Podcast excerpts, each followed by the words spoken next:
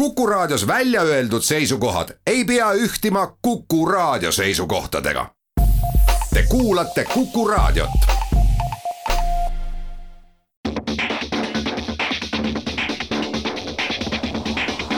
autotund.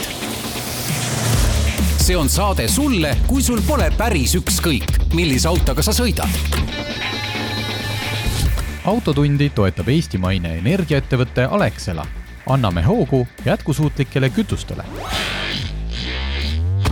tere kuulajad, Autotund on jälle eetris, stuudios Tarmo Tähepõld, Martin Mets ja Margus Pipar Geeniuse uudisteportaalist. räägime täna klassikute elektrifitseerimisest, räägime pistikhübriidist, haakekonksudest, miks mõnel autol see on, aga haagist panna ei või, ja saate põhiteema on meil õnnetud mootorid õnnetud mootorid selles mõttes, mida eriti ei soovitaks ka oma vaenlasele, sest need lähevad lihtsalt katki. millised nad on ja mis on need põhivead, tegime sellise suure ülevaate.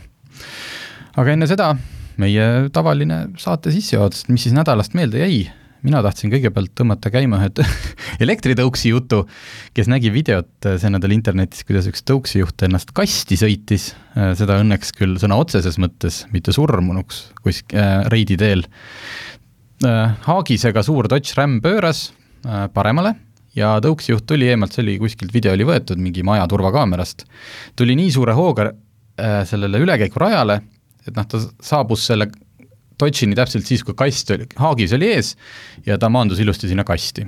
ja selle peale läks muidugi terve internet tülli jälle, et kes on süüdi. et tõenäoliselt oli sellel tõuksijuhil ka roheline tuli, auto sooritas parempööret, teadupärast peab auto ju andma parempöörde sooritamisel jalgratturile teed ja jala, ei jalgratturile pea, jala, kerg, jal, jalakäijale põhimõtteliselt, jah. jaa, aga kas ta kergliiklejale peab, kes no, on ei pea, kes on tõuksi peal, aga ühesõnaga, seal oli ka muidugi see, et auto pööras natuke valest kohast, aga see õnnetust antud hetkel ei mõjutanud, et seal oli kaks rada, kuhu pöörata. ja mis ma siis tahtsin kõikidele, mina antud hetkel kahjuks, kuigi ma olen tohutu selle elektritõuksi fänn, mina jään ikkagi auto auto poole ja lihtsalt kõikidele tõuksi inimestele ma tahaks öelda, kui te seda videot vaatate, saate aru, autojuht, ta vaatab, tal on vaba see rada, ta võib pöörata. ta ei saa näha omal kukla taha, kui sa tuled sealt kakskümmend kilomeetrit tunnis kiirusega sealt videost jäigi nagu selline mulje, et see rattur ei võtnud üldse hoogu maha. absoluutselt. millega ta tegeles, et, et. ei no tal on roheline tuli, ta vaatas kaugelt, tal on roheline tuli, ta võib üle minna, õige aga sa lihtsalt pead arvestama autojuhiga, et pärast muidugi klaarime, kes on süüdi, autojuht on süüdi, teeme trahve, noh, aga sina ju lendasid sinna kasti, sellel RAM-i juhil on täiesti suva, mis tal seal kastis on lõpuks. kas tü sinu tükid või ma ei tea, OSB plaadid, eks ju. ühesõnaga, lihtsalt palun võtke hoog maha, me ei näe teid. ja teine asi oli kütuse hind, aga ma arvan, et see läheks liiga pikaks sa, sa hommikul tulid sõitmast ja nägid, et kuskil väikses kohas oli kütuse hind hoopis midagi muud kui see, millega sa Tallinna kesklinnas jaa, üks neli viis üheksa asemel, mille kohta Circle K veel eile saatis pressiteate, et vot nii ongi ja maailmaturu hind jälle tõuseb ja see kõik on väga õudne, sõitsin ma, kus on Loksa juures või? mööda. Krooningu tanklast, kus oli posti peal üks kolm üheksa üheksa ma ei tea, neil on mingi teine maailmaturg. Neil on see asi, et vaata, maailmaturg nii väikseid kohti ei, ei mõjuta, mõjuta, ei mõjuta. Need maailma asjad, suure maailma ei, asjad ei, ei puuduta sellist ei, poliiti-, suur poliitika ja need mängud, et ei, sinna korra aastas kütuseauto käib ja pole vahet. aga ma arvan, et me võtame tõsisemalt ette kõik need Eesti väiketanklad, mille puhul on noh, mida tõesti mõnes kohas ongi ainult üks, ta ei olegi mingi kett, vaid üks tankla, ja uurime, et mis, noh, kust nemad oma kütuse saavad ja kuidas nemad saavad olla mingi selline, mis see on siis, viis, kuus, seitse, kaheksa, üheksa senti odavamad kui suured ketid, kes müüvad lisaks kütusele ka ohtrasti kabanossi. nii, Martin, mis sind närvi ajas mina mõtlesin natuke edasi seda teemat, et Eestis ei või enam keritud odomeetriga autosid arvele võtta ja siis ma hakkasin mõtlema, et aga Eestis on ju arvel väga-väga-väga palju keritud odomeetriga autosid ja seda kõike mm, Transpordiamet saab ju äh, kontrollida tõsi küll, et ülevaatused ei pääse ka sellele EUCARise süsteemile ligi, millega Transpordiamet ise kontrollib, on ju, kui inimene soovib autot arvele võtta. välismaalt toodud autot siis jah? jaa mm -hmm., arvele võtta. okei okay,, nad vist ka ei pääse, jaa, jaa et eh, aga ülevaatustele võiks ju anda selle ligipääsu ja saaks kõik keritud autod, mis on Eestis, saaks arvelt maha võtta, sellepärast et riik ju ütleb, et äh, idee kogu selle asja juures on tarbijat kaitsta pettuste eest ja nagu näiteks auto kahekümne neljast näha on, neid keritud äh, odomeetriga autosid on müügil küll ja küll ja küll ja noh, see asi läheb muidugi absurdi siin on ju, see on selge, et äh, me ei saa sellist asja päriselt ju hakata tegema, on ju. et ja. see oleks, see, see oleks ikkagi absurd aga, aga selle, selle kõige jaoks oleks ikkagi väga oluline, et Transpordiamet nüüd teeks sellise teenuse, millega igaüks saaks kontrollida ükskõik millist autot ja vaadata, et kas seda on siis tõenäoliselt keritud sellesama süsteemi järgi, millega Transpordiamet seda ise teeb. just, et see oli sinu, sinu viis probleemile tähelepanu juhtida, et sest seal on väga suur auk on kogu selles jamas sees. jah. just. nii, ma ei tea, kas Margusel ka midagi nädalast või või lähme edasi oma nende, sina saad saate teises pooles kõvasti rääkida mootoritest. jah, ei see selles mõttes on normaalne nädal olnud, et midagi väga närvi ei ole ajanud, et jah, kohe näha puhanud mees. Eh, nagu mootoritest rääkida, siis mina tahtsin veel, meil pole siia ammu nagu neid eraldi proovisõidusaadet teinud, peaks ikka tegema millalgi. ühesõnaga, ma lihtsalt täna hommikune emotsioon, kui ma sealt äh, Käsmu tagant tulin, et sain selle Toyota RAV4 plug-in hübriidi Äh, mille noh, mida põhiliselt üritatakse küll müüa argumendiga, et see on nüüd kolmesaja hobujõuline Toyota RAV4, mida ta tõepoolest on, sest et äh, bensiinimootorile on appi tulnud ju äh, või võimsad elektrimootorid, sõiduulatus on ilmselt viiskümmend, ainult elektriline sõiduulatus on seal kuskil viiekümne juures või isegi rohkem, pole veel andmetega tutvunud. noh, tavaliselt umbes niimoodi neil autodel on, jah. jah, no selles mõttes, ma ütlen, käis edasi küll, aga see on ju raske auto ja ta ei olegi mõeldud ikkagi selles mõttes kolmsada hobujõudu, kui te mõtlete kuskil, eks ju, Volkswagen Golfis, GTI, noh, mis on ikkagi mhm. korralik mürtsupill siis sellises hiiglaslikus linnamaasturis äh, kolm sobujõudu, mis on hästi akud, kõik jutud, et äh, see kindlasti ei ole sportlik auto. et see on rohkem nagu kündmiseks, mitte kiirendamiseks, jah? kündmiseks yeah., no vist ka, ei tea, kas talle haakekonks võib panna, pärast räägime sellest ka. aga sellega oli see, et äh, nende plug-in hübriidide kõige naljakam asi, lisaks nende hinnale, see Toyota hind hakkab põhimõtteliselt viiekümnest tuhandest, on see ametlik kütusekulu, et nad alati panevad sinna noh, kaks koma üks selline kaks koma kaks, mis on juba natuke naljakas, siis Toyota RAV4 puhul on see sinna kodulehele märgitud üks liiter saja kilomeetri kohta. noh, see on küll ju soodus, see on ju see odavam kui elektriautoga no, sõita, absoluutselt kui puuga et kui siin elektriautoga on ikkagi selline kuus euri sada liitrit, siis sa nüüd saad siis eh, kaks euri, jah? jah, jah, ma sain selle auto, ilmselt oli, tundus, et oli täisakuga, äh, ma läksin muidugi kohe maanteele, sinna Tallinna-Narva kiirteele, et see ei ole kõige ausam, ma sõidan siin nädalavahetusel sellega veel. Ilmselt läheb see tulemus paremaks, kui ma isegi õhtult äkki suudan kodus äh, juhtme otsa panna, aga hetkel oli lihtsalt seis selline, et kui ma tegin selle mm, Tallinn-Käsmu Tallinna otsa ja ma tegin umbes samasuguse otsa hiljuti sama ettevõtte Toyota Camry'ga, mis on tavaline hübriid, siis hetkel on nende kütusekulu numbrid täpselt võrdsed. Neli koma seitse liitrit oli selle ot-, selle sõidu kulu mul keskmine. Ja Toyota Camryl, mis on suur mugav, luksuslik äh, sedaan, äh, oli see samuti neli koma seitse liitrit ajale, lihtsalt ja. auto on umbes viisteist tuhat eurot odavam ja ka pole sama võimas tegelikult, eks ole.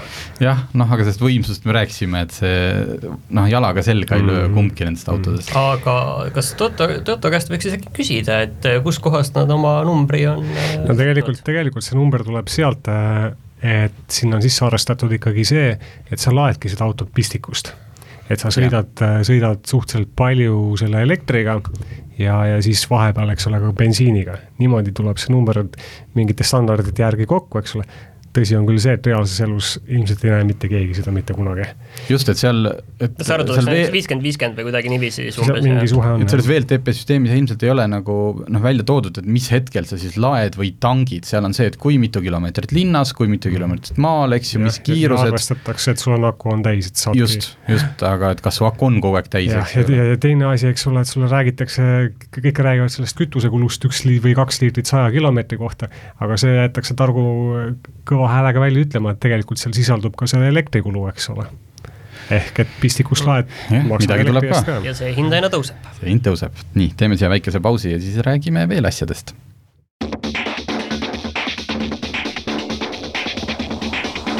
autotund see on saade sulle, kui sul pole päris ükskõik, millise autoga sa sõidad. autotundi toetab eestimaine energiaettevõte Alexela. Anname hoogu jätkusuutlikele kütustele. autotund tagasi, stuudios Tähepõld, Mets ja Pipar Geeniuse uudisteportaalist. Äh, lõpetasime elektriga, ma jätkaks korraks veel elektriga, äh, mitte ei tahaks nüüd hädaldada, aga pigem selline küsimus, et viimase üks kahe nädala jooksul, noh, see ei ole ka nüüd otseselt uudis, aga on välja kuulutatud jälle kolm autot, mis on siis nii-öelda elektromoodid, ehk siis võetud vanaaegne auto, vana auto ja hakkad mingi ettevõte siis maru kalli raha eest teeb sellest sulle elektrilise versiooni. antud juhul ma räägin siis Ford GT nelikümmend AC Cobra ja üheksa kuus neli põlvkonna Porsche üheksa üks üks. Kõik nad on noh, me räägime seal kindlasti umbes poole miljoni või natuke vähema euro eest saad sa selle kätte, see on noh, seest kõik, kõik, see on, kõik on üle tehtud ja, ja sõidab sul täiselektriga. mis on noh, iseenesest kihvt, ainult et äh, nende autode puhul noh, okei okay,, neil on kindlasti ka mingid väga head sõiduomadused, aga minu arust nagu nende puhul on aina noh, veel eriti see mootori hääl on see, mida sa otsima lähed, sest et noh, ma arvan, et seda üheksa kuus neli põlvkonna Porsche't ja Ford GT neljakümmet, kui, kui nüüd puhtalt hakata mingit ringiaegu võtma, siis suvaline tänapäevane kiire luukpära võib teha paremaid ringiaegu.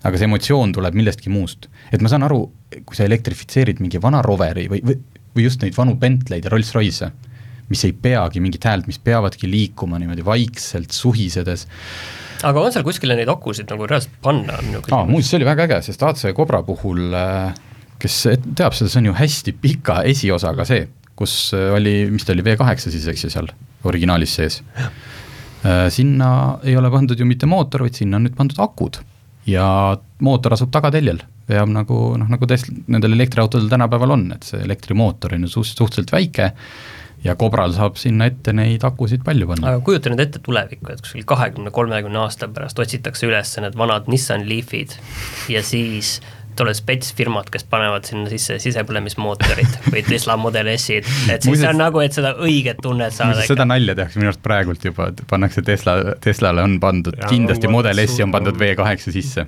raudselt mm vot, et eh, noh, tore, et tehakse, minu arust noh, kindlasti leitakse ostjaid, mulle tundub lihtsalt see nagu see kõige mõttetum osa klassikutest, mida elektriliseks teha, on need, mille pool emotsiooni on see hääl see mootor. -hmm. ja noh, teine asi, et see mootor ikkagi lisaks häälele, ta käitub hoopis teistmoodi kui elektriauto mootor, eks ole, et eh, seal see sõidu, sõidutunne on kindlasti hoopis midagi muud. just, nii, aga ennem mainisime siis siin äh, haakekonkse ja me siin tegime nüüd ülevaate. tegelikult ma räägin sellest, et kuskohast see probleem alguse sai, et alguse sai sellest asjast, mida mina tegelikult üldse varem ei teadnud, on see, et väga-väga paljudele elektriautodele ei saagi äh, panna haakekonksu, okei okay,, tähendab, see on valesti öeldud, haakekonksu saab panna, aga sa ei tohi haagist vedada. ja mina tegelikult seda ei teadnud, kuigi nüüd ma saan aru, et nüüd see olukord on äh, natukene paranenud ja paljudel uuematel elektriautodel siiski saab äh, haakekonksu panna, aga tegelikult see probleem ei puuduta ainult elektriautosid. Jah, see on täiesti tavalised autod, Margus, sina mäletad, mis Škoda see oli, see oli vist ühe koma kahe liitrise mootoriga Škoda Octavia, mille haagise veo võimekus on see, see võis olla küll, aga ühesõnaga selliseid autosid on, mis on suhteliselt suured autod, väikese mootoriga. Mm, millel on siis niimoodi, et neil lubatakse isegi haagist vedada, aga kui sa vaatad neid lubatud masse, et kui palju sa tohid sinna haagise peale asi panna, eks ole, siis võib selguda see, et sa võib-olla tohidki ainult umbes sadat kilot vedada, eks ole mm. -hmm et teoorias on võimalus olemas, aga praktikas, praktikas sa ei, ei saa mitte midagi, sa ei tohi sinna midagi haagise peale panna. jah, sellel Škodal vist oli kolmsada kilo, mis tähendab seda, et kui see kerghaagis ise on umbes mm, kakssada viiskümmend, et sa saad äh, IKEA-st võib-olla oma mööbli ära tuua või, või mõne suure tünni tühja ja see on ka kõik. Aga inimesed seda sageli ei tea, sest see on nagu, autos ost-, autot ostes sa vaatad kõike muud milline on su sisustus ja kui palju võtab kütust, aga sa eales ei vaata seda, et oot, kas ma haagist ka võin vedada ja see on tihti nende väikeste mikromootorite probleem. et tehas ei ole ette näinud talle nii suurt koormust. ja elektriautodel siis samamoodi, et lihtsalt pole ette nähtud, et sa oma seda niigi väärtuslikku energiat raiskaksid, ma saan aru. kusjuures jah, et, et elektriauto iseenesest, see nagu elekter ei ole takistuseks, et nüüd ühtäkki kuidagi läheb see aju seal lolliks, kui talle midagi taha riputada, siis näiteks äh, Tesla Model S, millel on mõnes versioonis üle tuhande hobujõu, ei tohi üldse mingit haagist pukseerida. aga samas, Model X, mis on see kajaka tiibustega, võib sappa haakida kuni kaks tuhat, noh, ühesõnaga kaks koma kolm tonni kaaluva haagis ja muidugi siis sellel juhul peavad seal haagisel juba pidurid olema ja kõik see. Näiteks samas, kui sa tahaksid luksusautole sedaan, Lexuse sedaan LS viissada, millega hiljuti sõitsime, või BMW seitsmenda seeria hübriid, siis äh, ka neile ei või mitte mingit haagist taha panna. oota, aga seletage nüüd ära, et kui mul oleks Nissan Leaf, et kas ma võin panna sinna siis äh, konksu taha või ei või? kõigepealt on asi üldse selles, et kas sinna saab konksu taha panna, see on võib-olla see, et keegi ei pakugi sulle sinna üldse mm -hmm. konksu. Enne auto ostmist muidugi sa saad selle järgi uurida ja, ja, ja kui tehas, kui ühesõnaga need konksud on tehtud, küllap siis ka võib. aga siis tekib see küsimus, et kas sa päriselt tohid sinna haagis sappa panna, eks ole konksu võid panna mingil muul eesmärgil. aga mis on need muud eesmärgid on, et ütleme, et okei okay,, haagist ei vea, aga mis on konksu, kas ilu pärast või on mingi praktiline väärtus sellel asjal ka? tegelikult vist äh... konksu kaitseb tagant otsasõitude eest aitab parkida, aitab parkida. no kui sa oled äh, rattasõidu fänn, eks ole, siis tegelikult on see, et äh, saad selle ratta, rattakanduri sinna taha panna. see ra-, ei jah, kandur jah. see on jah sellepärast, et äh et äh, noh, sellepärast me oleme näiteks näinud ka Lotus Elise'i, mis on ju tõeliselt pisike mikroskoopiline mm -hmm. sportauto, millel on haakekonks ja mõtled, et no lähed ehituspoest kruusa tooma, sellega ei lähe. tegelikult sa sinna haagist külge panna ei või, aga sa võid konksu külge asju riputada, jah täitsa väikse ämbri näiteks. väikse ma olen näinud. jah, et äh, seal on ka muidugi piirangud, et seal on ju ja. kirjas, et äh, kui palju selle konksu siis kan- või aut-, ühesõnaga jah, et kui suure raskuse sa tohid nagu selle konksu peale panna mm. -hmm. see, see on täitsa iga, iga selle veokonksu andmetes olemas, et et mis noh, ega ongi, kui sa paned, see ei pruugi suur number olla, et kui sa paned sinna, see kandur ise kaalub midagi, kui sa tahad sinna juba kolme, kolme ratast näiteks panna, siis see võib ka juba lõhki olla, eks ole, et aga üldiselt ikkagi, üldiselt see pigem rattakanduriga ja ratta kannatab ära küll mm. -hmm. no siin on see küsimus, et kui näiteks haakeseadis ja lub-, no selle siis nii-öelda konksu lubatud koormus sellisel nii-öelda, kuidas on siis üles, ülevalt alla teljel, vertikaalsuunas on seitsekümmend viis kilo, noh, siis sinna nelja ratast koos hoidiku ja kõigega naljalt ja. nagu ikkagi ei pane, aga aga no, on ka selliseid, mille suurim koormus on sada seitsekümmend viis ja sinna võib põhimõtteliselt ka väiksema mootorratta panna mm, -hmm. kui sul, teine asi on muidugi see, et et isegi kui su noh, autole ei saa konksu ma ei tea, keegi ei paku, siis äh, tõenäoliselt, kui sa hakkad seda sinna kuskile keredetailide külge keevitama ise, sest keevitusmasin on ju alati käepärast, siis sellega oled sa hiljem üleotsa hädas ja see on eraldi. aga mul on üks praktiline küsimus, nii et palju üldse selline, sellise konksu panemine maksab?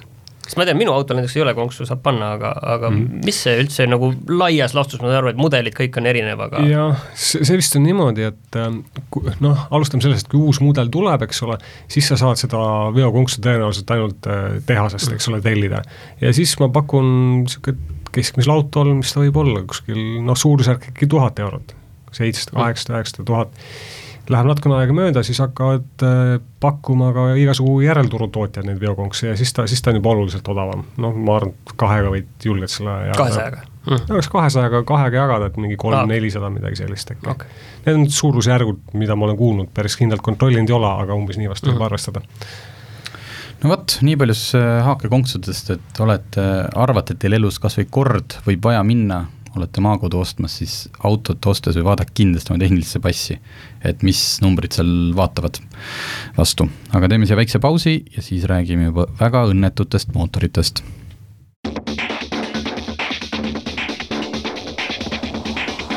autotund. see on saade sulle, kui sul pole päris ükskõik, millise autoga sa sõidad autotundi toetab eestimaine energiaettevõte Alexela. anname hoogu jätkusuutlikele kütustele. autotund on tagasi ja nüüd me hakkame rääkima siis äh, mootoritest kasutatud autode puhul.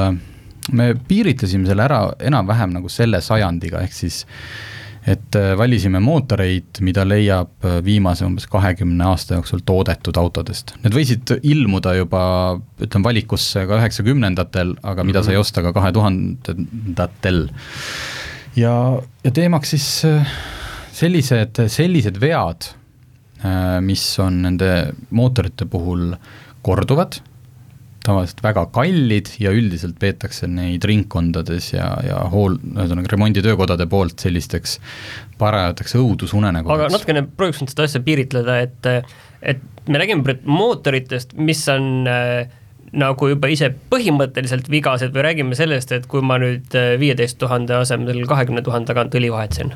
no see võib olla tegelikult mõlemat, selles mm. mõttes, et äh, praktika on ühesõnaga see, et need mootorid lähevad katki ja, ja, ja kui nad lähevad katki, siis äh, kas äh, võib olla ka see, et äh, ei hooldata nagu piisavalt hästi, eks ole. aga kui seda viga ikka kogu aeg nagu juhtub ja juhtub ja juhtub, eks ole, teiste mootoritega juhtunud, tähendab, et see on ikka, inimestel on probleemid.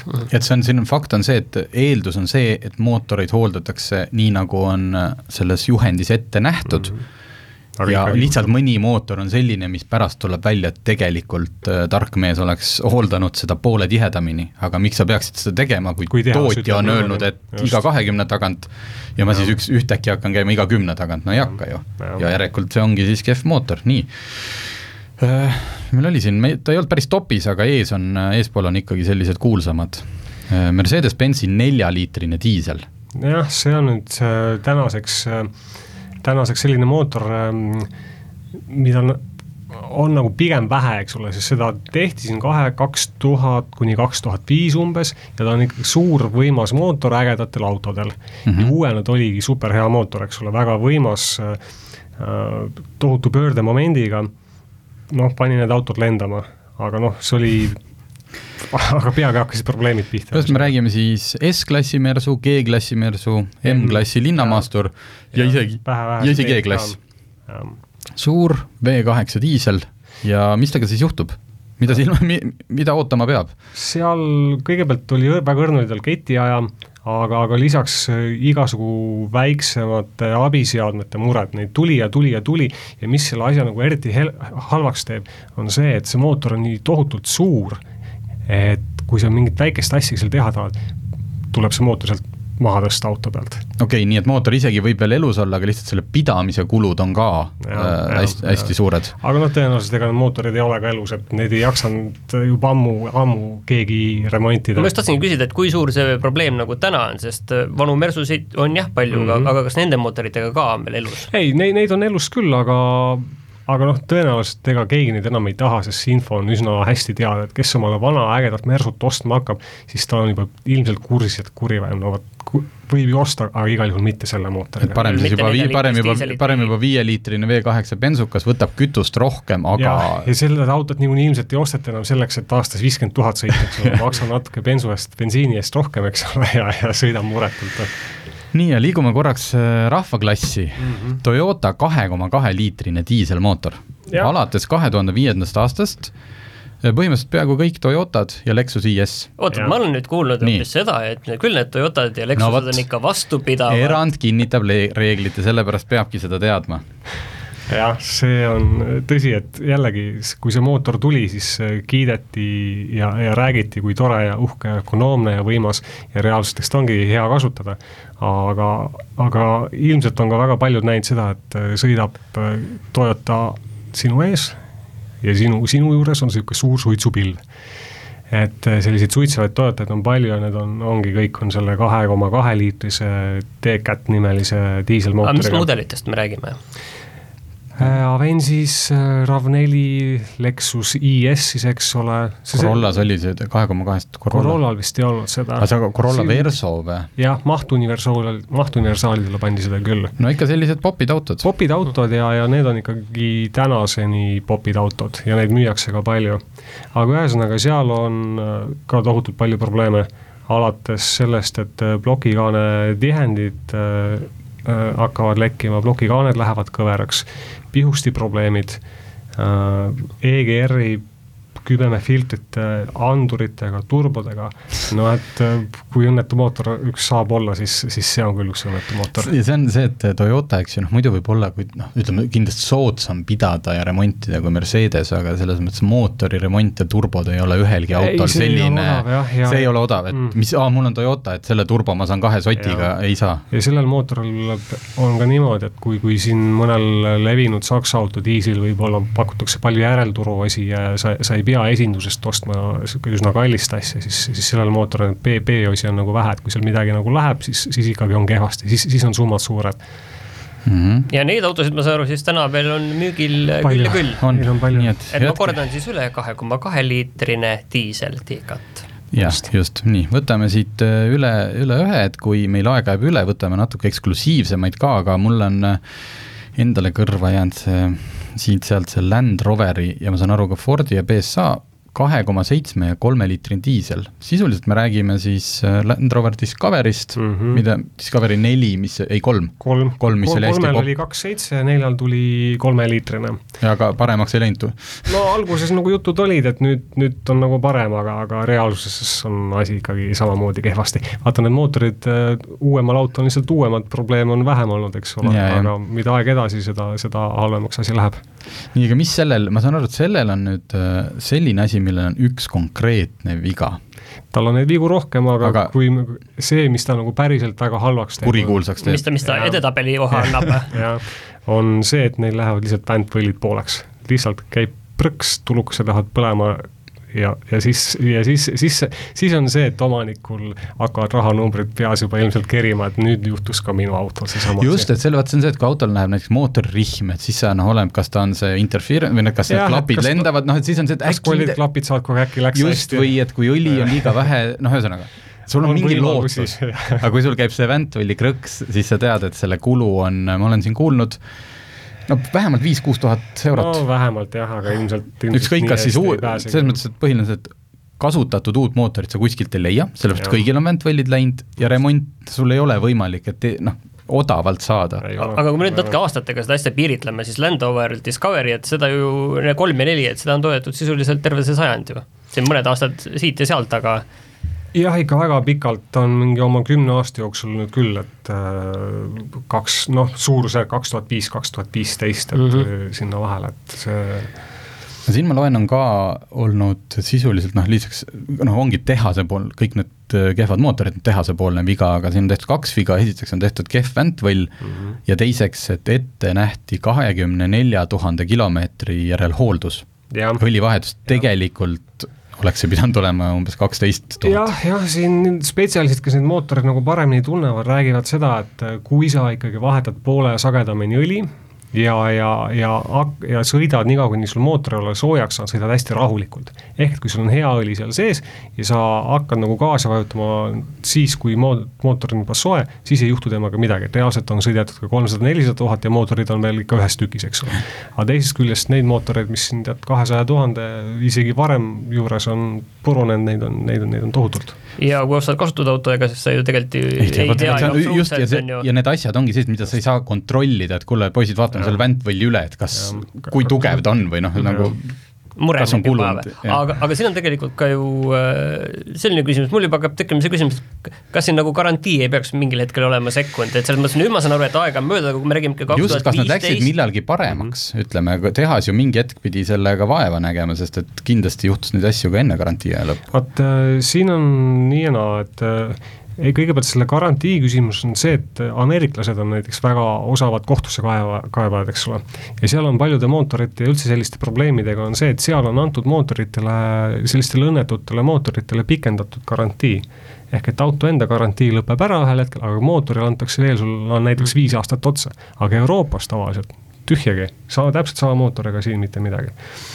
küll on kuurdill ja sellised asjad, eks ole, et kui on ainult esinduses, hoolduses käinud auto, kõik on õigel-aegselt tehtud, siis teinekord esindus korvab sulle osa remondikulust, eks ole. või et varuosad või uus mootor tasuta, aga töö siis pead sina maksma, et selliseid asju on küll. Mm. No selge, teeme siia väikse pausi ja siis käime üle veel päris head, mitu head mootorit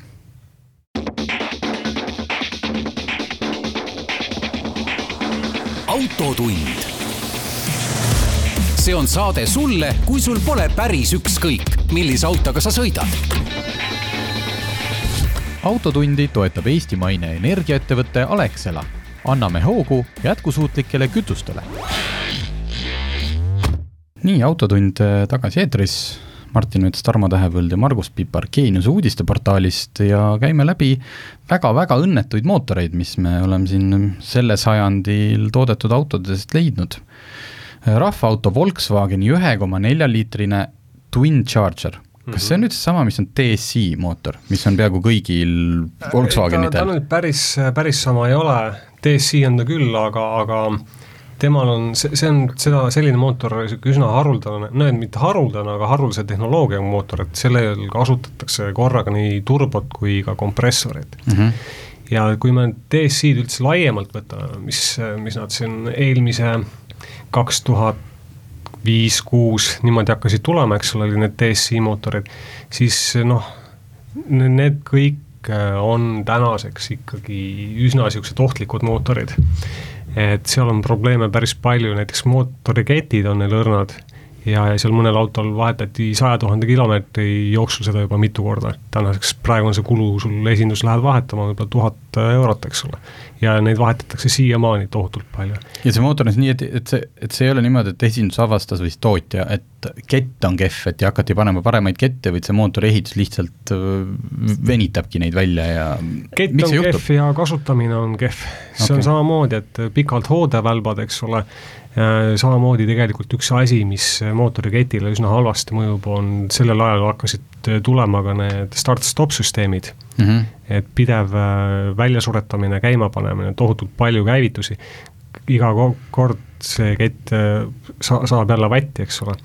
et äh, aga Volkswagen sellele ketimurele vähemalt ühel hetkel sai jälile või likvideeris ära lihtsalt sellega, et sai aru, et need ketid ei, kurat, ei saagi töötada me ei saagi seda asja korda ja nad vahetasid selle uuesti rihma vastu välja okei okay,, nii et Kuskil... Äh, tasuks, et kui hakkad ostma kasutatud Volkswagenit ühe koma nelja liitrine on hea mootor, hea. ja küsida, et kas on ketiga või rihmaga. jah, need rihmad hakkasid tulema hiljem kuskil kaks, äkki kaks tuhat kolmteist või niimoodi okay.. aga seletage nüüd mulle üks asi korra lahti, et nii, äh, nii palju, kui mina olen aru saanud, siis kett on üldiselt see asi, mida sa ei pea vahetama, rihma pead vahetama, on ju tavaliselt saja kahekümne tuhande tagant, nii räägi. see oli kunagi niimoodi, aga oli. enam ei ole. täna on niimoodi, et äh, nii palju, kui me neid kasutatud autode artikleid oleme siin viimase viie aasta jooksul kirjutanud ehk et need moodsad ketiga mootorid, moodsamad, mis on, järjest rohkem, järjest rohkem me saame kirjutada seda, et kett on see, mis vahetust vajab, aga, aga selles mõttes, et, et kas see nagu peaks vajama vahetust või selgub see reaalsus, et tegelikult oleks ikkagi vaja vahetada äh,? kuidas tootja nagu ette näeb? tootja vahetust ette ei näe mm. -hmm, ehk et selge. tema on ette näinud, et see kestab kaua, reaalsuses ei kesta. ja see ei ole nüüd ainult selle Volkswageni mootorite probleem, see on väga paljude tootjate mm -hmm. probleem aga jah, selle, lisaks on nendel DSI-del igasugu muid muresid ka ja see Twin Charger on nendest kõige keerulisem mootor, eks ole, turbokompressor otse sisse pritse, väga ökonoomne, väga suhteliselt võimas, eks ole, aga, aga lihtsalt neid muresid ja mida aeg edasi, seda rohkem neid muresid on. vana hea see, et tahad võimsat, ökonoomset, aga kujuta ette, noh, et see Venni diagramm, et need asjad ei kattu, et aga kas siit käisid need mudeli-nimed ka nüüd läbi või ei käinud, ilmselt on tegemist siis Golfiga? Golf, Passat. Golf, äh, Passat, äh, Charan äh, Äh, Sirocco ja, ja kõik igasugused need äh, teised sama kaks Octaviat ka siis, jah? jah, ja, ja, ja te... Škoda Octavia ja ühesõnaga Volkswagen Grupi asjad. just, mitte ainult Volkswagen, aga ka teised margid.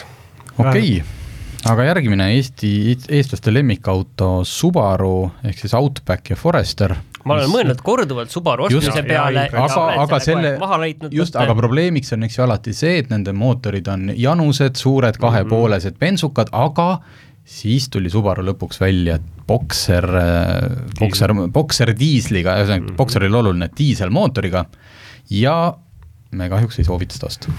mis sellel viga?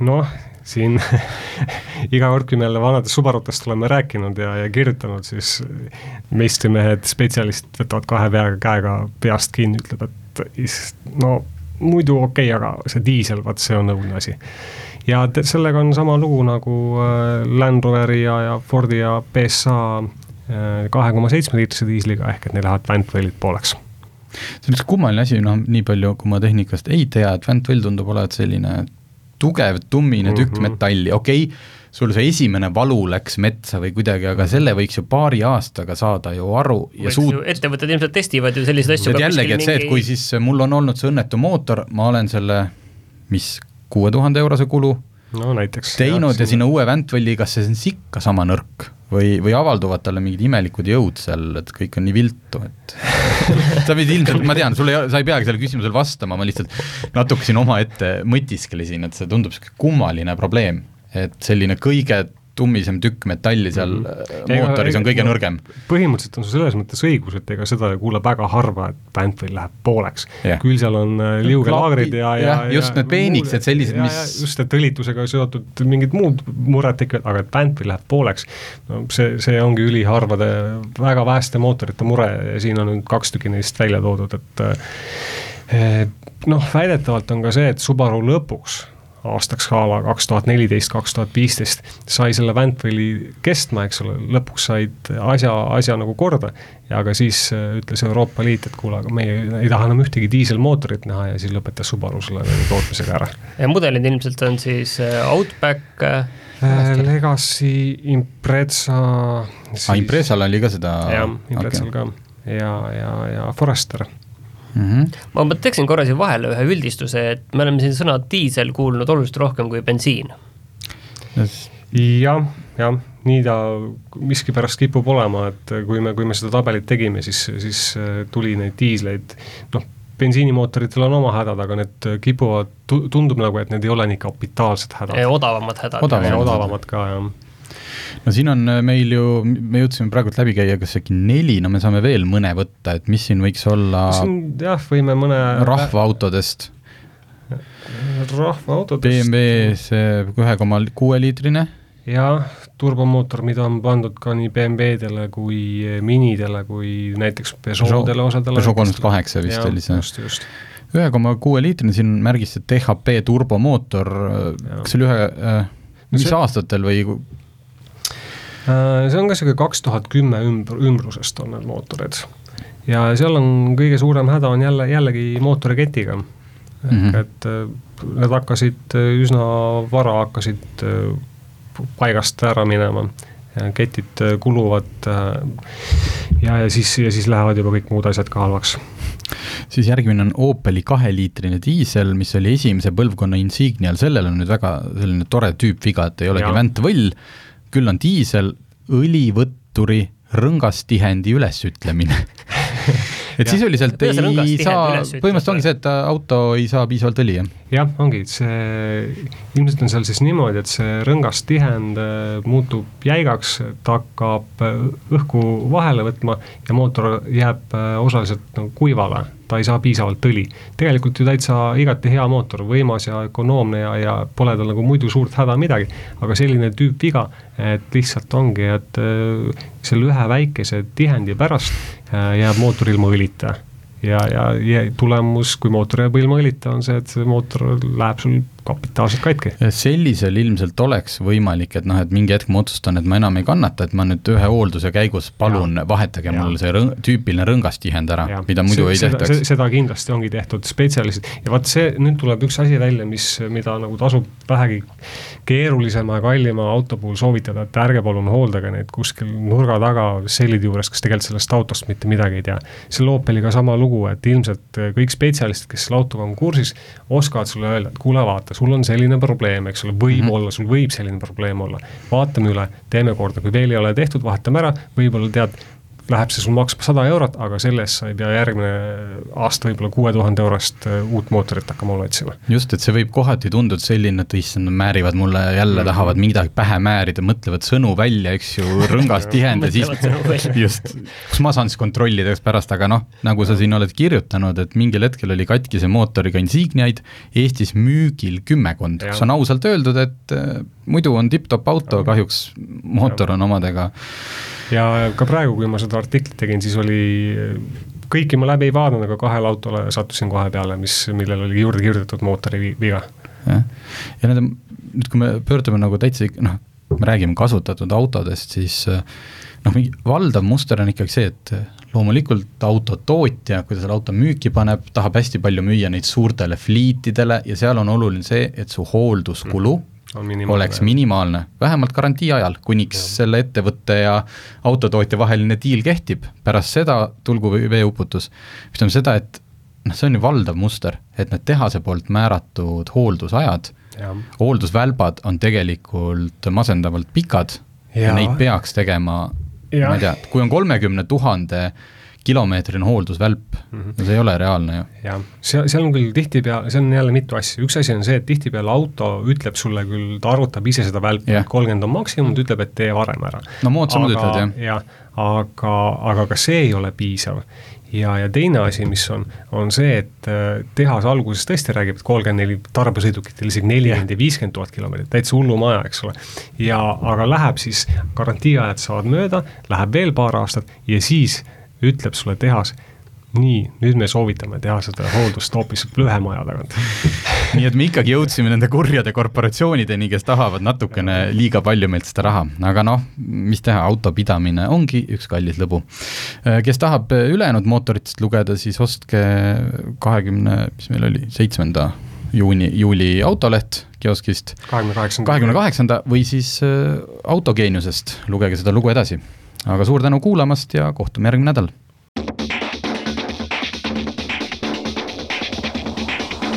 autotund. see on saade sulle, kui sul pole päris ükskõik, millise autoga sa sõidad. autotundi toetab eestimaine energiaettevõte Alexela. anname hoogu jätkusuutlikele kütustele